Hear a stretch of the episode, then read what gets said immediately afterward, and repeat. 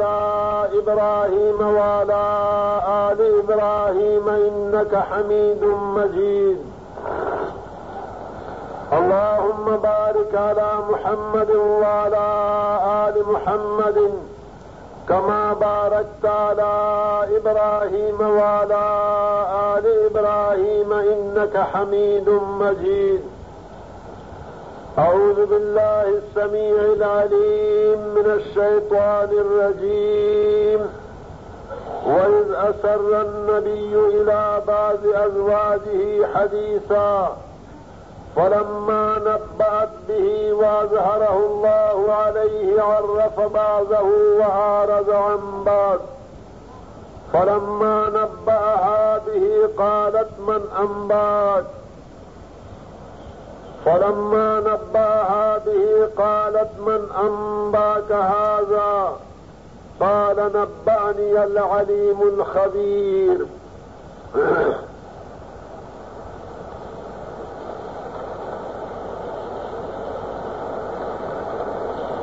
دا الله رب العالمين حمد سنا او محمد رسول الله صلى الله عليه وآله وسلم باندې درود و سلام نرسته زما محترم و معزز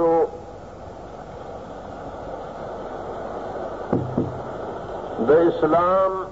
او د ایمان او د قرآن او د سنت پتنګانو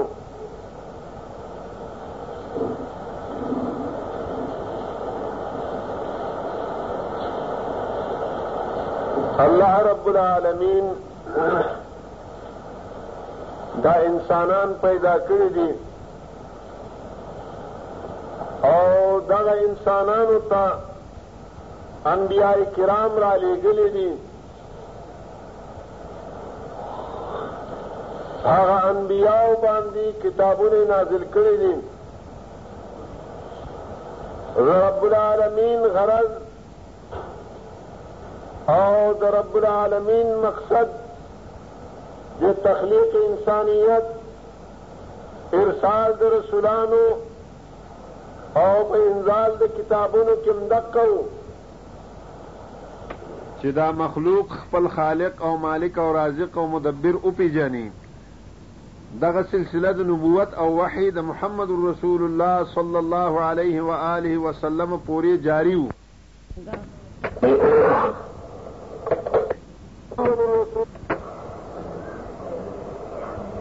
زما محترم و معززو الله رب العالمین دا آدم علیه الصلاة والسلام نه نیولې تر رسول الله صلی الله علیه و آله وسلم امت پورې کم انسانانو چې د الله الله یې منلی دی، د الله رسولان یې منلي دي، د الله کتابونه منلي دي، هغه ټولو ته مسلمانان او مؤمنان ویلي دي. هغوی مسلمانان دي او مؤمنان دي، خو په هر یو قوم کې په هر امت کې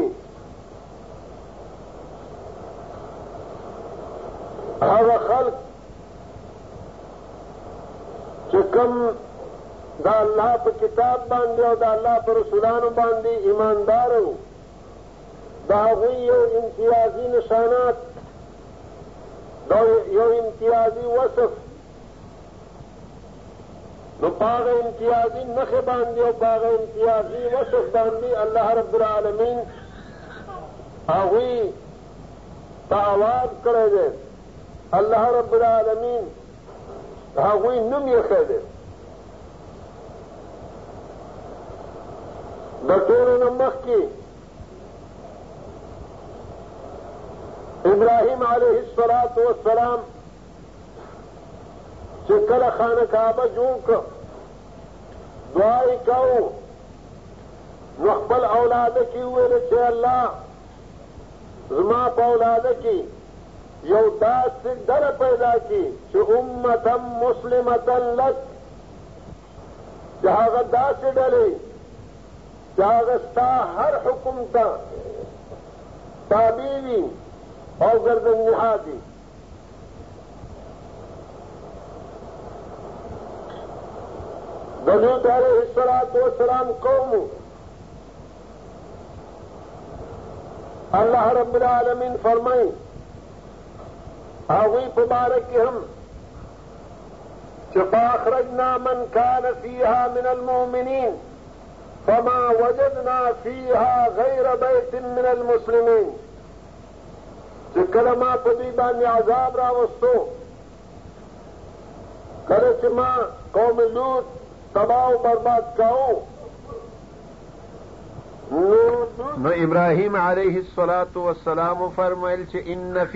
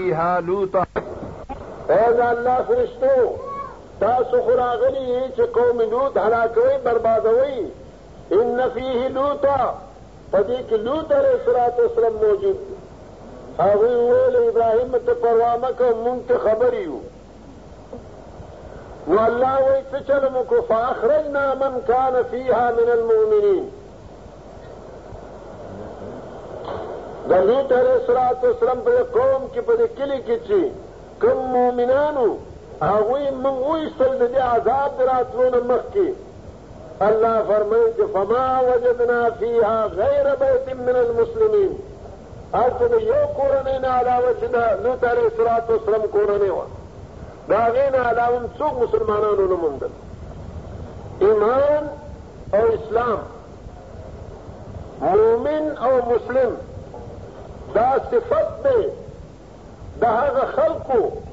چې کوم الله منونکي دي، د الله رسولان منونکي دي، د الله کتابونه منونکي دي. خو هغه قوم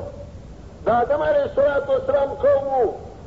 او که د نوح علیه الصلاة والسلام قوم وو او که د لوط علیه الصلاة والسلام قوم وو، که د ابراهیم علیه الصلاة والسلام قوم او که د عیسی علیه الصلاة والسلام قوم وو. اشار سرات اسلم قوم وہی ساتا واشهد باننا مسلمون اے عیسی ته گواه اوسه په دې خبره باندې چې موږ مسلمانان یو موږ د الله حکم ته تابع یو موږ ستا حکم ته تابع یو موږ ما انزل الله ته تابع یو همدارنګه هر یو امت چې الله رب العالمین په دې مخ د ځمکه باندې پیدا کړی او هغه امت ته پیغمبر را لېږلی دی هغه پیغمبر باندې کتاب را لېږلی دی هغې کې چا به ایمان راوړو او چا به نه راوړو چا چې ایمان راوړی دی هغوی مؤمنان مسلمانان او چا چې ایمان نه دی راوړی هغوی کافران یا منافقان یا مشرکین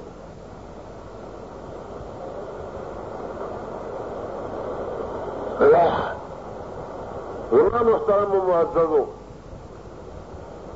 که ستاسو خیال وي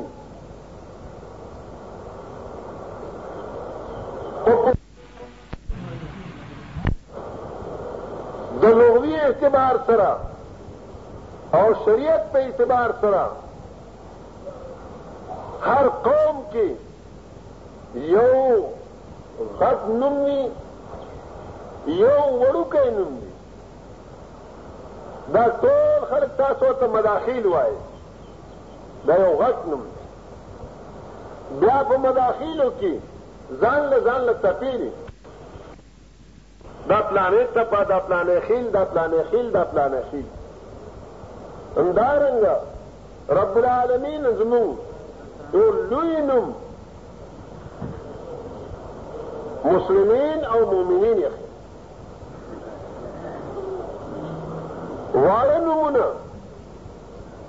هغې کې بیا مختلف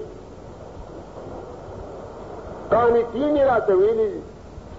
صایمین یې راته ویلي دي ذاکرین یې راته ویلي دي خاشعین یې راته ویلي دي مختلف نمونو باندې موږ موسم کړي اهل کتاب یې راته ویلي دي اهل قرآن یې راته ویلي دي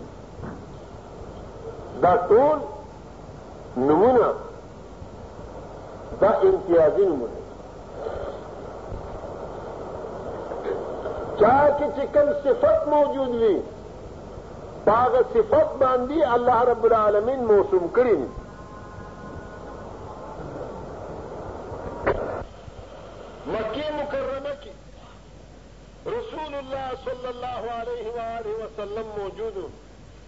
دیارلس کاله د الله توحید بیان کړو خو لیکن د مکې صنادید د مکې مشران دومره سرکش او متعصب وو چې رسول الله صلی الله علیه و آله وسلم خبرې اورېدو ته خپل هم تیار نه وو او بلې موردو ته نه پرېښودو. اخر د الله رب العالمین په حکم سره محمد رسول الله صلی الله علیه و آله وسلم وطن عزیز پرېښودو مدینه منورې ته هجرت وکړو چونکه دا هجرت هجر په عربي کې ویل کېږي پرېښودو ته عربي کې ویل کېږي پرېښودو ته مهاجر معنی پرېښودونکی چونکې هغوی وطن پرېښودو نو هغوی نوم مهاجر کېښودی شو نصرت ویل کېږي مدد ته چونکې د دې مهاجرینو د دې وطن پرېښودونکو مدد مدینې مسلمانانو کو نو هغوی ته انصار وویل شو یو صفت موجود و هغوی کې دوی کې د هجرت صفت موجود و چې وطن یې پرېښود د دین دپاره او هغوی کې د مدد صفت موجود و چې دغه مهاجرینو هغوی مدد وکړو نو الله رب العالمین دوی ته مهاجرین وویلو هغوی ته انصار وویل زما مقصد او غرض دا دی چا کې چې کوم صفت موجود وي د هغه صفت د وجه نه هغې ته په هغه نوم باندې هغه یادولی شي اهل حدیث اهل کتاب اهل قرآن اهل بدر اهل احد څه معنی احد والا چې احد کې حاضر شو اهل بدر چې بدر کې حاضر شو اهل قرآن چې په قرآن باندې عمل کوي قرآن حافظان دي اهل کتاب کوم خلکو ته چې اسمان نه کتاب راغلی دی هغه ته کتاب ورکړی شوی دی یهودو نصاراو ته الله څه ویلي یا اهل الکتاب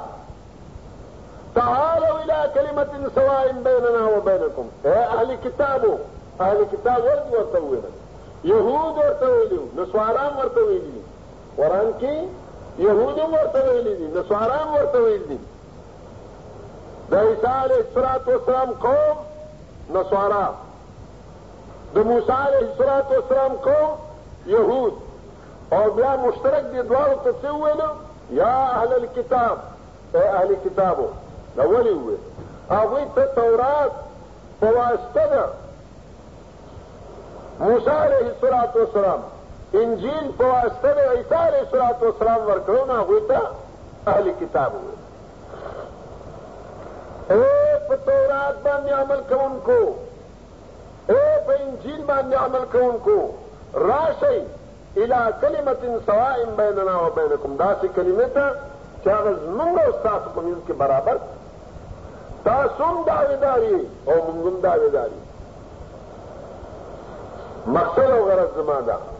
چې اهل څه ته وویل چې یو صفت چې چا کې موجود یو کار باندې چې چا عمل کاو هغوی ته هغې اهل دی او مونږ ته چې اهل حدیث وایي زمونږ هم قرآن او په حدیث باندې عمل کوونکي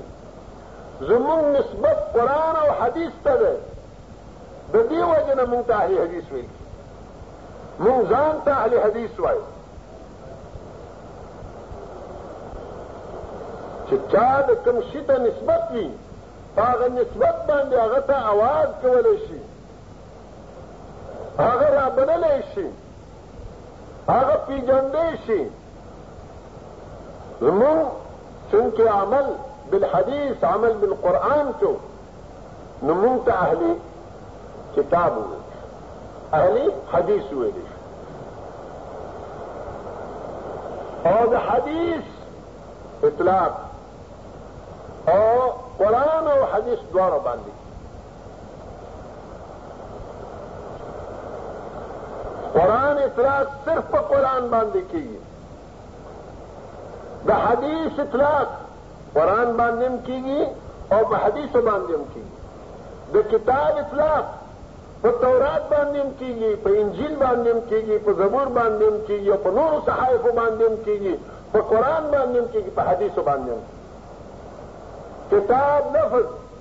عام دی ټولو ته شامل دی حدیث لفظ قرآن او سنت دواړو ته شامل دی او قرآن صرف قرآن ته شامل چونکې موږ د قرآن او د حدیث پیروکارو او قرآن حدیث باندې هم د حدیث اطلاق کړی دی پیغمبر خبرو ته هم حدیث ویلی دي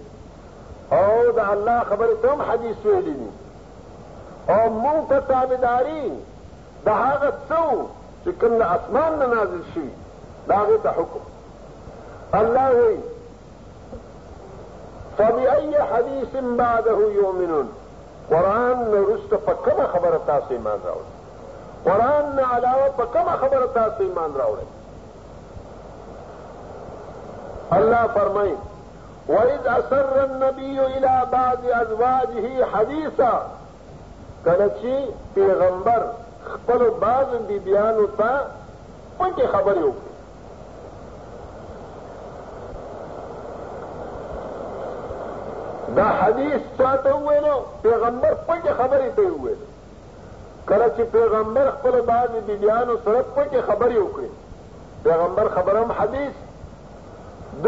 الله رب العالمین خبره محدود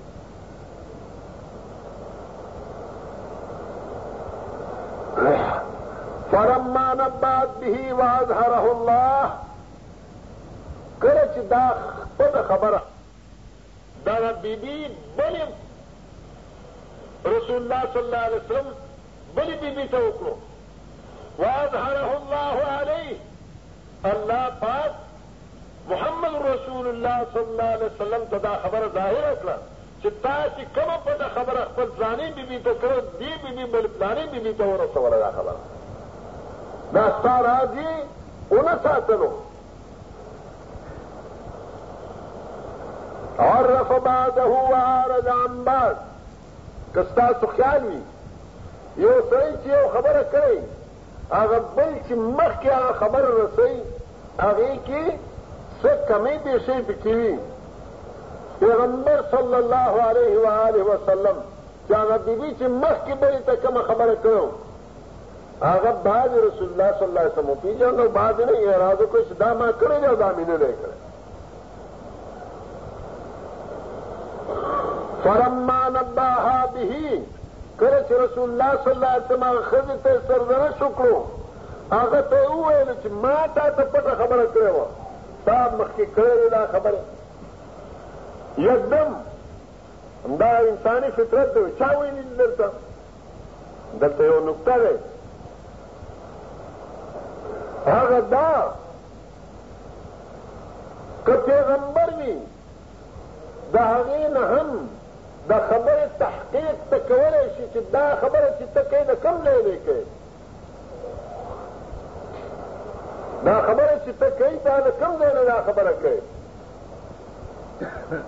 چاله چې خوب ورځي نو هغه دي یو ځای به را پاتې شي کې دې خوا خوا دي شي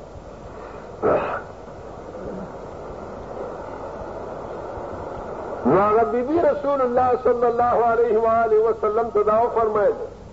چې من انباک هذا تا ته دا چا خبر درکړی تا ته دا خبر چا درکړی سند پیش کړ دې خبرې پیغمبر وویل چې نبأني العلیم الخبیر زما سند متصل دی الله رب العالمین ته چې نبأني العلیم الخبیر ما ته خبر راکړی د هغه ذات چې هغه علیم او خبیر دی امام محترم معززو محدثینو د دې سند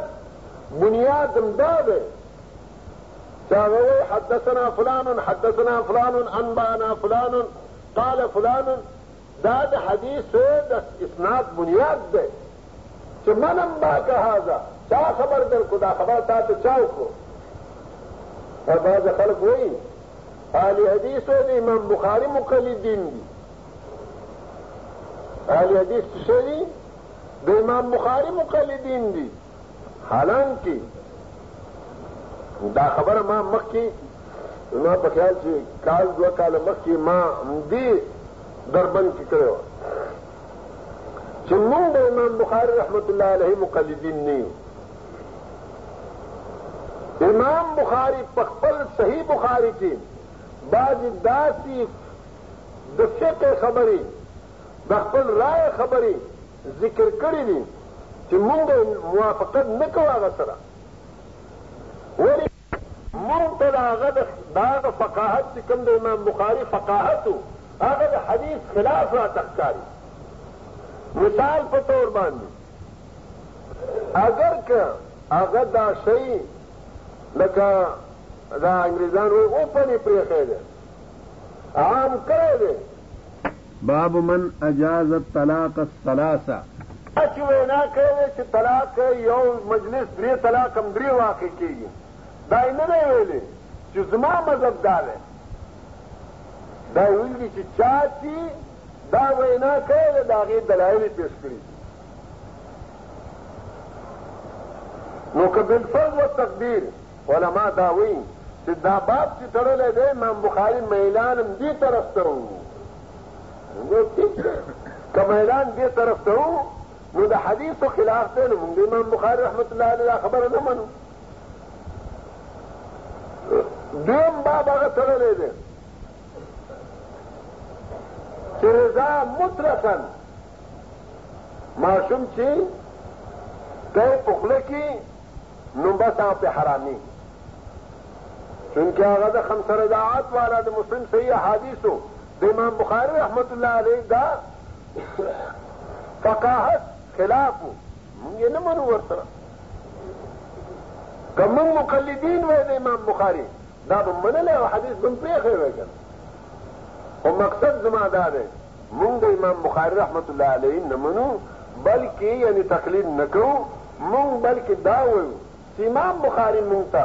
خپل سند محمد رسول الله صلی الله علیه و آله وسلم ته رسولی دی چې هغه حدثنا الحمیدی قال حدثنا فلان قال حدثنا فلان قال حدثنا فلان قال فلان قال ابو هريره قال رسول الله صلى الله عليه واله وسلم من بعد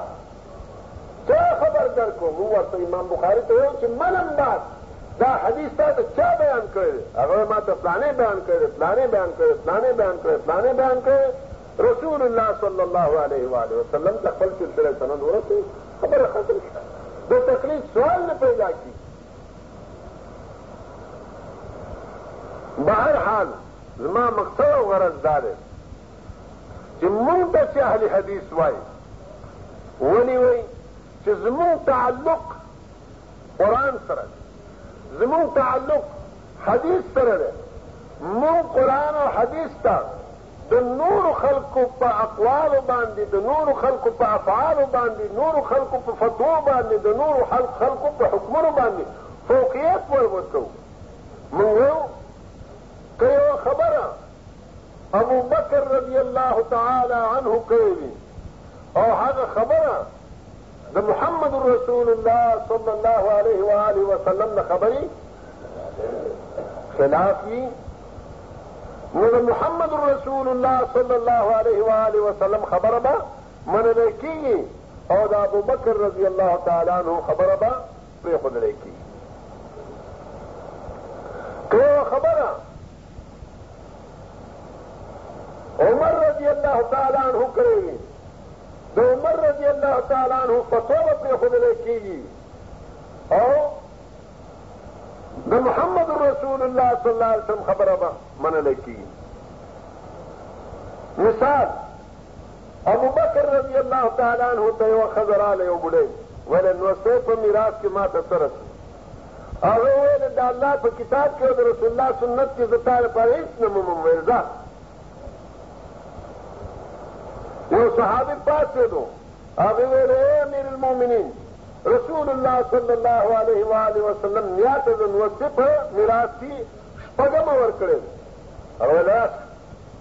زما خبره ختم د محمد رسول الله صلی الله علیه وسلم خبره به منلې عمر رضی الله تعالی عنہ ته یو کیس راغی یو ښځه راله هغې زما خاوند چا وجلی دی او د هغې دیت اخیستی شوی دی ایا په دې دیت کې نور مال کې خو میراث رسي ایا په دې دیت کې ما ته څه میراث رسي عمر رضی الله تعالی عنه فرمایل چې نه په دې دیت کې ستا میراث نشته یو صحابي پاڅېدو ویل ای عمر رضی الله تعالی عنه زما دې په الله قسم وي چې رسول الله صلی الله علیه و آله وسلم دا اشیاء مې زبایي ښځې ته د خپل خاوند د دیت نه میراث ورکړی دی عمر رضی الله تعالی عنه خپل فیصله پرېښوده میراث یې وله ورکړو اهل حدیث دې ته وایي چې حدیث راشي د عمر خبره ختم د ابوبکر خبره ختم د علي خبره ختم د عثمان خبره ختم رضی الله تعالی علیهم اجمعین او چې د محمد رسول الله صلی الله علیه وسلم حدیث راشي د پلار خبره ختم د نیکه خبره ختم د پیر خبره ختم او د امام خبره ختم د هر چا خبره ختم دا د اهل حدیث رو مونږ چې ځان ته اهل حدیث هم دي د دې وجه سره بعضې خلک دا وایي چې هلکه اهل حدیث خو پخوا نه وو ابو هريره رضي الله تعالى عنه په ټولو صحابو کې ټولو نه زیات د حدیثو حافظ و خپله وایي چې ما نه څوک په حدیثو باندې زیات نه پوهېږي سوا د عبدالله ابن عمرو ابن العاص نه چې هغه به لیک کولی شو ما لیک نه شو کولی هغه ټول اعتماد په لیک باندې و او زما اعتماد په حافظه باندې و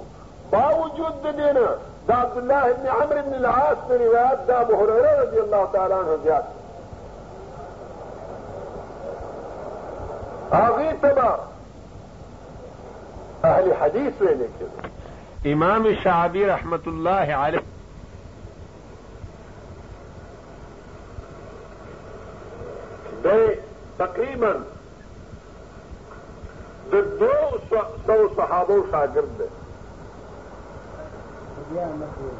دو سو صحابو شاگرد دے آغا وئی لو استقبلت من امری مستدبرت لما حدثت الا ما اجمع عليه اهل الحديث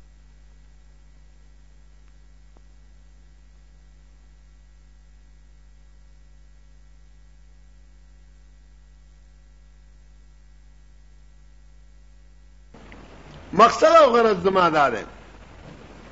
چې مونږ یو اهل حدیث زمونږ نسبت قران او حدیث ته ده رسول الله صلی الله علیه و آله وسلم فرمایي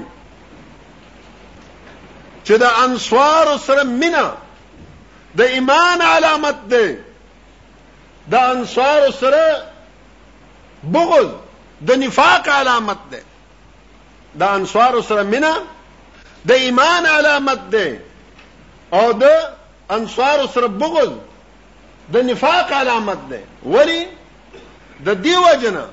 انصارو سره چې څوک مینه کوي صرف د دې وجه نه مینه کوي چې دې انصارو محمد رسول الله صلی الله علیه وسلم ته ځای ورکړی دی او د ده سره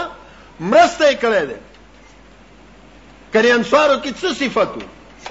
څه ښېګړه وه خو دقه ښېګړه وه او دغه چې کوم دی نو صفت و د هغوی چې هغوی د پیغمبر مرسته کړې ده پیغمبر ته ځای ور کړې ده نو د دې بنیاد باندې چې څوک مینه ور سره ساتي په دې بنیاد باندې چې څوک مینه ور سره ساتي هغه مؤمن دی او که په دې بنیاد باندې څوک کینه ساتي چې د پیغمبر ته ځای ور کړی دی د پیغمبر مرسته کړی دی هغه خلک منافقان دي او تاسو سوچ وکړئ که موږ سره څوک تعصب کوي موږ سره څوک کینه کوي موږ سره څوک بغض کوي دا غ بغض به وجه څه شي که عبدالعزیز سره یاد دې دربند مرګرو سره چې دلته څوک اهل حدیث دي هغه سره کینه کوي او بغض کوي په څه وجه باندې کوي پټی تلاندې کړي کنزل ورته کړی دی پیسې دې لاندې کړې دي د ښځه د د د یا د لور یا د څه شي شرم اړولی دی نه هېڅ یې نه دی کړی خو آخر دا بغض او دا کینه په څه باندې دی صرف په دې باندې چې مونږ دا وایو چې د الله او د الله تعالی رسول خبره دې بری او د دې ټوله خبره دې لاندې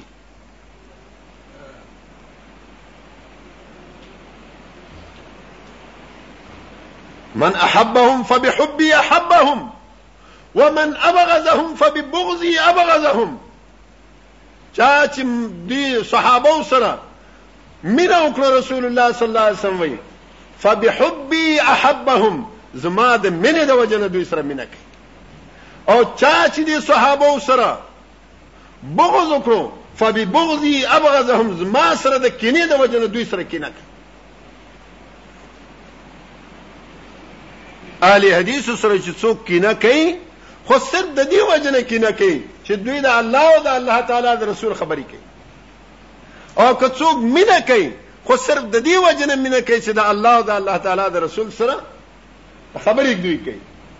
زما محترم معززو لګون دي د دماغ باندې بوج اچولو ته ضرورت ده لګون دي دماغ باندې بوج اچولو ضرورت ده تر نن ورځ پورې شیخ عبد السلام شیخ القرآن والحدیث شیخ القرآن والحدیث او د دوی روحاني پلار وو او نن شیخ عبدالسلام څه شی شو وای پیسې وخوړې او د مټیز شو منافق شو ظالم شو دغه الفاظ د دوی دی منافق ورته ویل دي مټیز ورته ویل دي ظالم ورته ویل دي بے شرم ورته ویل دي بے حیا ورته ویل دي بدتمیز ورته ویل دي ولی شیخ عبدالسلام څه ګناه وکړو چانه زمکه ونیوله چا باندې شرم واړولو اخر څه چل وکړو دی شیخ عبدالسلام صرف دا خبره وکړو چې اهل حدیث سو په سټیج باندې ودرېد قران او حدیث ته ووایه نو چې تر اوسه پورې چې موږ کوم ظلم کړی دی زیاتی کړی دی قرآن او حدیث سره تاویلات هم کړي دي یا الله توبه ځکه چې سپینګیري شوي یو قبر غاړې ته ولاړ یو آینده لپاره به د قرآن او حدیث سره ظلم نه کوو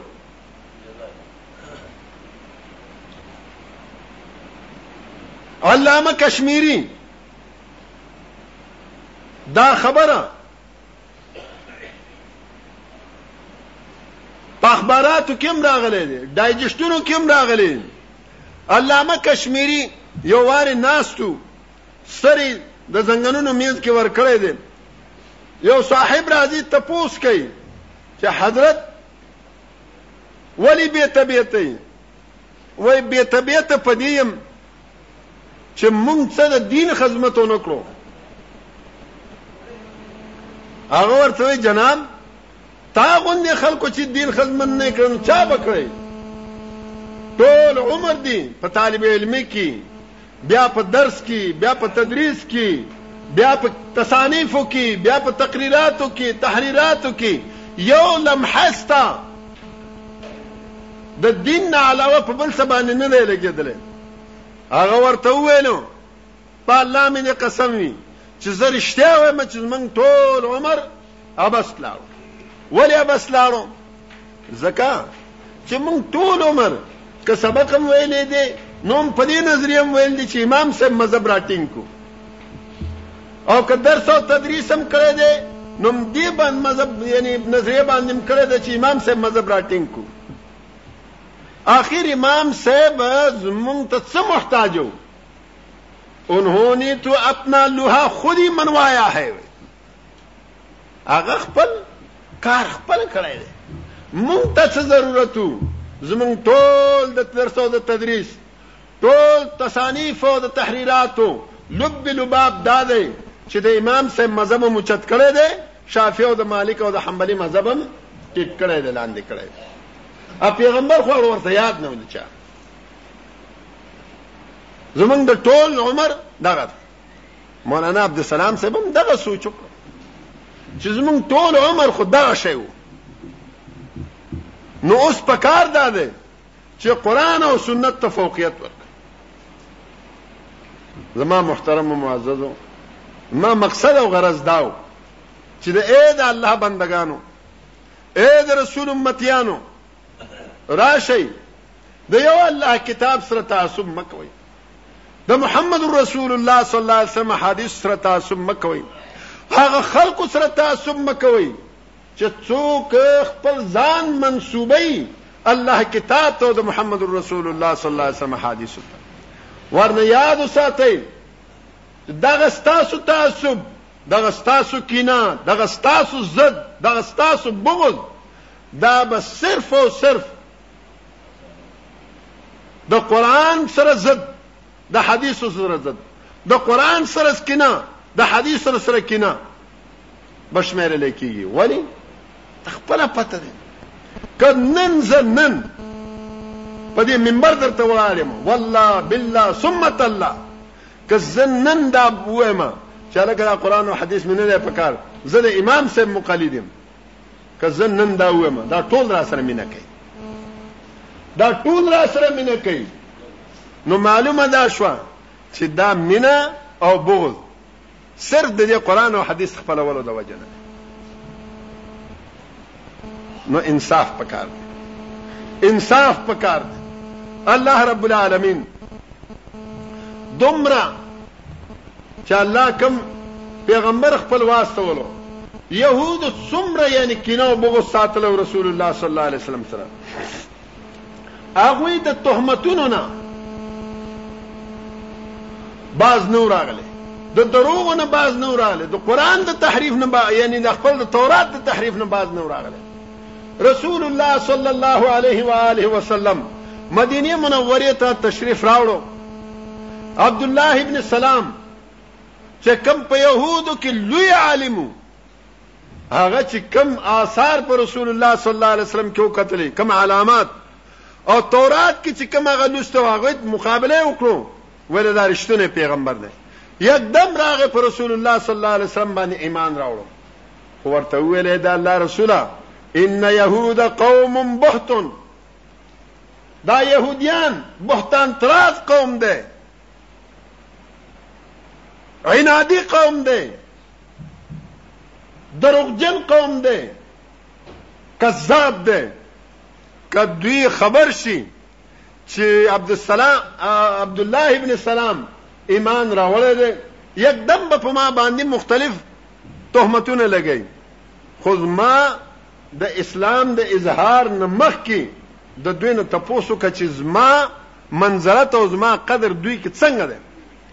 یهود رالل خبرې اترې کېدې هغوی یکدم انکار وکړو د اسلام نه رسول الله صلی الله علیه وسلم فرمایل عبد الله ابن سلام په تاسو کې څنګه سړی دی هغوی په یک زبان وویل خیرنا وابن خیرنا سیدنا وابن سیدنا عالمنا وابن عالمنا مونږ کې غوره دی او زمونږ د غوره سړي زوی دی زمونږ سردار دی زمونږ د سردار زوی دی زمونږ عالم دی زمونږ کې خپوی دی او زمونږ کې د خپوی زوی دی عالم دی او د عالم زوی دی ویل ک عبد الله ابن سلام ما ومني چې ترشتنه پیغمبره هغه ویل اعاذه الله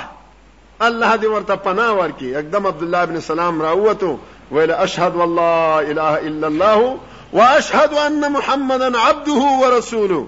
مجلس نن نو پاتېدل شرنا وابن شرنا مجلس نه لا نو پاتېدل مجلس نو بدل شي مکه مجلس کې ویل چې خیرنا وابن خیرنا او په مکه مجلس کې هم دقه يهود عبد الله ابن سلام ته څه وایي شرنا وابن شرنا موږ نه بدترین سره ده او زموږ د پلار هم بدترین زما محترم معززو عبد الله ابن سلام څه چل کړو پټی تی نیولې وو باغونه تی نیولې وو پیسې ته خړلې وي لور خور ته شرم اړولې وو نه دغه یو مجلس سو خیرنا و ابن خیرنا و دغه مجلس کې شرنا و ابن شرنا و تاسو اندازه ولګوم دغه مولا عبد السلام او سروحانی پلارو شیخ الحدیث هر څو او نن څه شه ده مټی زک دی نن ورته منافق وای نن ورته ظالم وای نن ورته خرڅ شوی وای نن ورته ظالم وای اخر دا ولی ها دویم صفت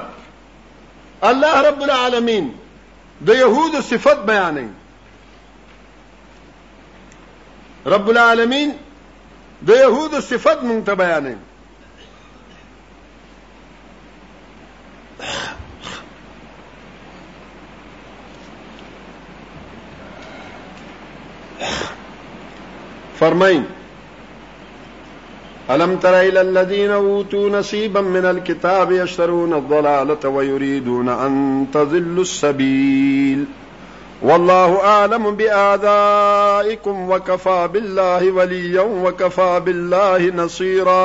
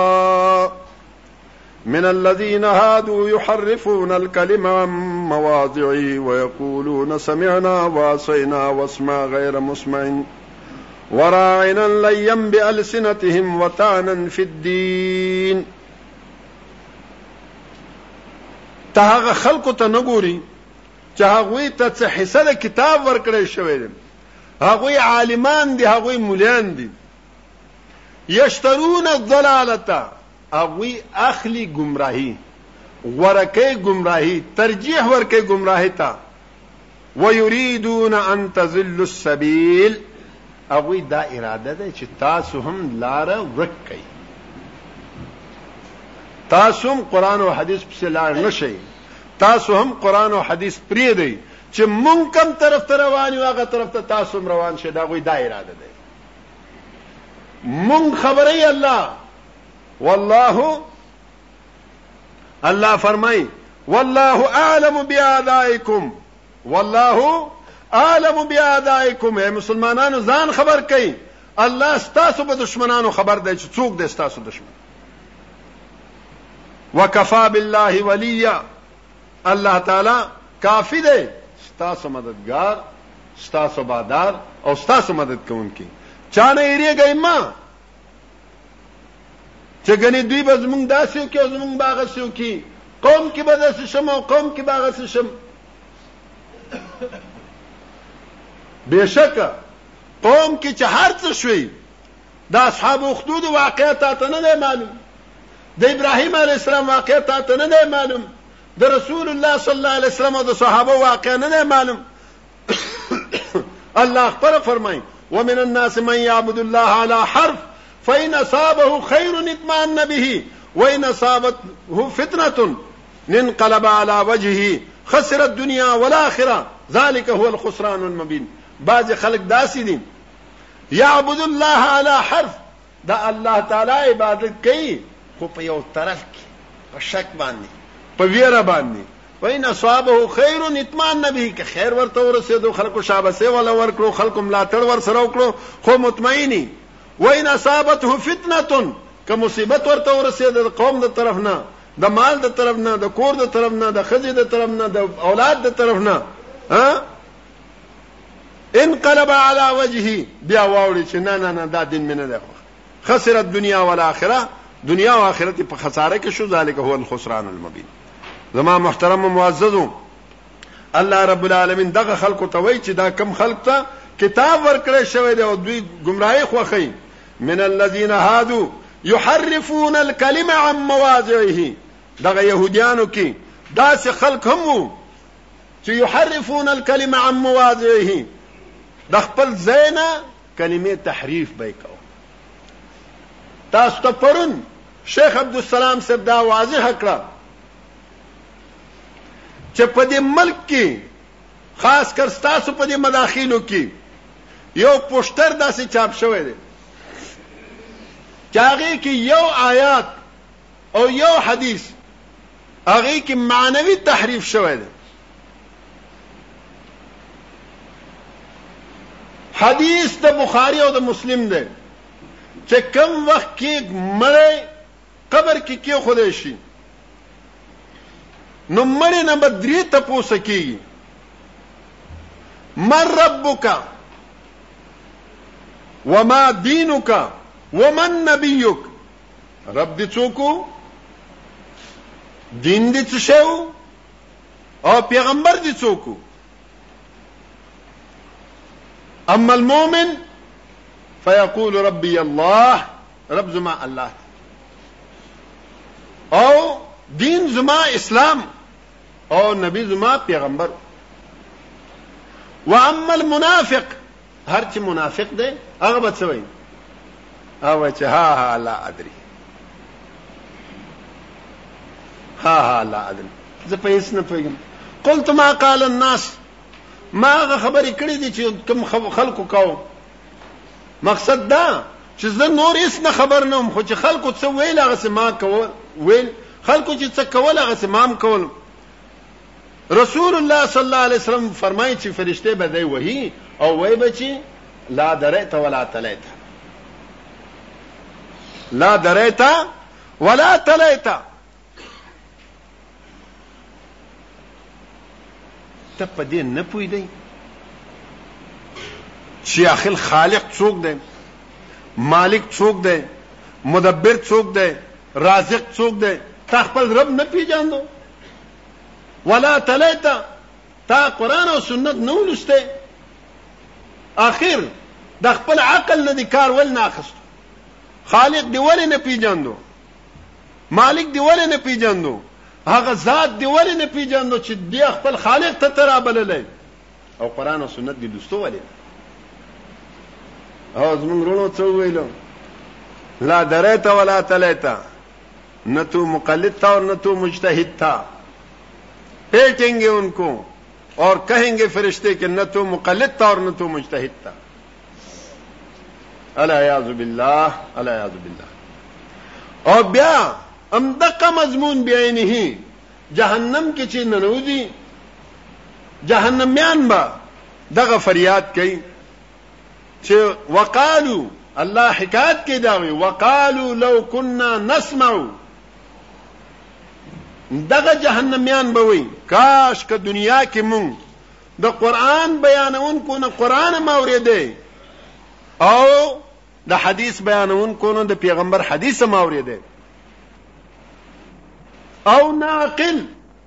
یا مونږ کم از کم د عقل نم کار اخیسته او خپل خالق او خپل مالک او خپل پیغمبرم پیژندلې وې ما كنا فی اصحاب السعیر مونږ به جهنميان نه وې او یارانو څنګه تحریف وکړو اگر سن کر مقلد ہوتے یا صاحب عقل مجتهد هوتې ته هم جهنم مې نه جاته زما محترم و معززو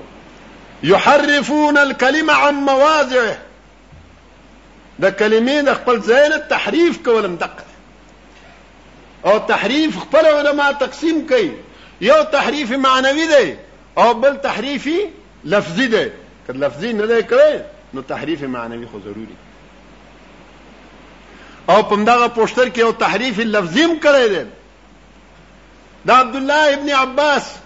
روایت د شل رکعاتو په باره کې د مصنف ابن ابي شیبه نه نقل کړی دی په پوسټر کې لیکلی دی او دنیا کې زما دا چیلنج دی چې د مشرق نه واخله تر مغرب پورې د جنوب نه واخله تر شماله پورې خو هغه اهل حدیث وي که حنفي وي که مالکي وي که شافعي وي که حنبلي وي که شیعه وي که مرزایي وي که هر څوک چې وي چې څوک دا حدیث لیکي نو هغه ټول خپل کتابونو کې دا لیکي چې دا حدیث ضعیف دی که حنفي وي او که شافعي وي او که مالکي وي او که حنبلي وي او که اهل حدیث وي چې هر څوک وي دا حدیث چې چا لیکلی دی هغه ټول لیکل دی چې دا حدیث ضعیف دی هیڅ یو حنفي خپل کتاب کې دا نه دی لیکلی چې دا حدیث صحیح دی او د مداخلو باندې نوې وحی او شز ما په خیال نوې د پیغمبر سره ولدو هغه ویل هاذا حدیث صحیح مداخله او چې کوم ده دغه حدیث ته صحیح وي الکه ټول دنیا محدثین خدا وي زګه دا غوي غوندې دا چیلنج نکوم چې هغه 25 کروڑ ویل دي 25 کروڑ مونږ سره نشته زه د 2500 روپو تاسو ته دا اعلان کوم او اوس چې کوم دی نو که څوک وای نو هغه سره جمع کوم د یو حنفی نه چې حنفی عالم وی محدث وی دا څنګه چې دا ملاخینی به وي چې موږ هم حنفیانو موږ ورته صحیح ویلو کنه موږ حنفیانو موږ ورته صحیح ویلو دا یو